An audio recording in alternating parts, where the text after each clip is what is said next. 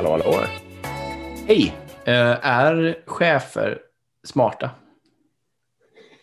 Smarta eller smartare? Ja, du får, får tolka det hur du vill.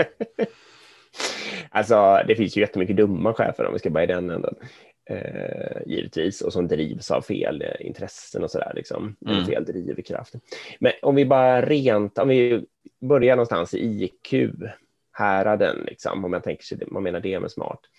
Ja, om man har en hierarkisk organisation, då finns det ju troligtvis någon form av ambition att eh, välja de som har lite högre eh, abstraktionsförmåga och IQ till de lite högre jobben på något sätt.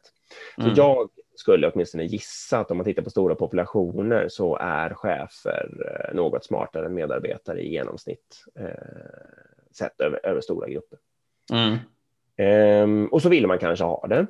Ehm, och, det och, så, och det är väl okej med mig. Liksom. Alltså, det är väl en bra hypotes. De har kanske lite mer inflytande och ser, kan använda en abstraktionsförmåga över en lite större del av organisationen och det finns lite fördelar med det.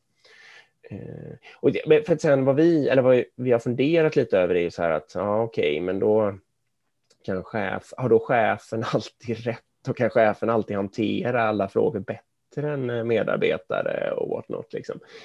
Eh, och det kan ju hända att den rent statistiskt då kan det jämfört med en random medarbetare i, liksom, i en del fall, och så att det finns någon form, att den har någon chans där.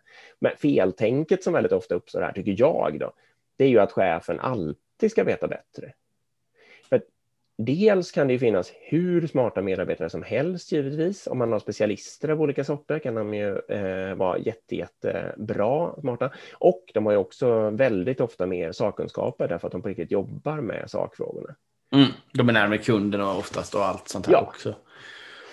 Och, och därför, om en chef går runt och har den attityden att jag vet alltid bäst och ska alltid coacha alla till allting, liksom, så blir det som en våt filt över alltihopa och någon form av, alltså det blir så dumt så jag vet inte vad. Liksom. Mm. Utan där gäller det att ha en ödmjukhet då, liksom tänka att okej, jag kanske kan göra lite bättre för att jag ser lite mer där och har lite mer överblick och lite mer lugn och ro, eller jag vet inte.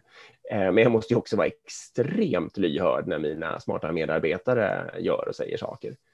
Mm. Ja, vad har du för trick? Nej, men jag håller med. Jag tror också den kollektiva intelligensen, alltså sammanslagna intelligensen kanske är lite högre i, i chef än icke-chefs eh, populationen, liksom. i alla fall över en väldigt stor grupp. Liksom. Eh, men det som är problemet som jag upplever när jag har gått chefsutbildning och så vidare, det är liksom att man hela tiden antar att chefen är briljant. Du som chef ska coacha dina medarbetare, du som chef ska ge feedback, du som chef ska ehm, ja, allt vad det nu är, driva utvecklingssamtal och du ska och så vidare och så vidare. Och det är väldigt konstigt att man antar att chefen ska coacha alla anställda. Vem säger, varför skulle chefen vara bättre lämpad att göra det än någon annan? Liksom? Och varför skulle chefen vara den som ska ge feedback? Bara, ja. Så fort du ser något beteende du inte gillar, då ska du vara där och säga på en gång. Du ska ge konstruktiv feedback hela tiden. Du ska ha det på återkommande agenda. Det är, det, för mig är det helt idiotiskt. För var, var, liksom, varför skulle chefen vara den som är bäst på att ge individen feedback? Det, det är vansinnigt. Liksom, på en population på 20 stycken så ska en chef vara den enda ansvarig för att ge feedback till alla de här 20 personerna och enskilt driva alla de här 20 personernas utvecklingsplan. Där har man, där har man fått något Ja, om bakfoten. Nej, nej. Ja, jo, nej, men det håller jag med om.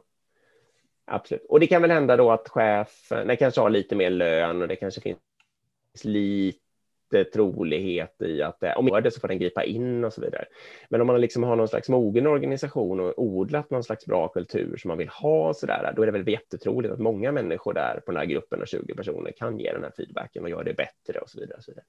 Nej, jag håller helt med. Precis, så hemligheten här det är ju liksom att fostra kulturen som chef att öppna upp för folk att kunna ge varandra feedback istället för att ta den flaggan själv och säga den här ansvarar jag för och jag måste Mm. vara den som ger feedback till allihopa.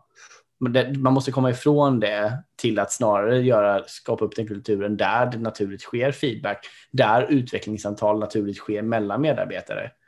Det är ditt jobb som chef, inte att själv vara den som driver dem. Helt sant. Jag är sugen på att säga något om Train the Trainer också, men det kan vi, jag skriver upp det sen på idélistan till framtida Ja. avsnitt. Det får bli en annan dag. Ja, får det bli. Bra, då tackar vi för idag. Ha det. Hej. Hej.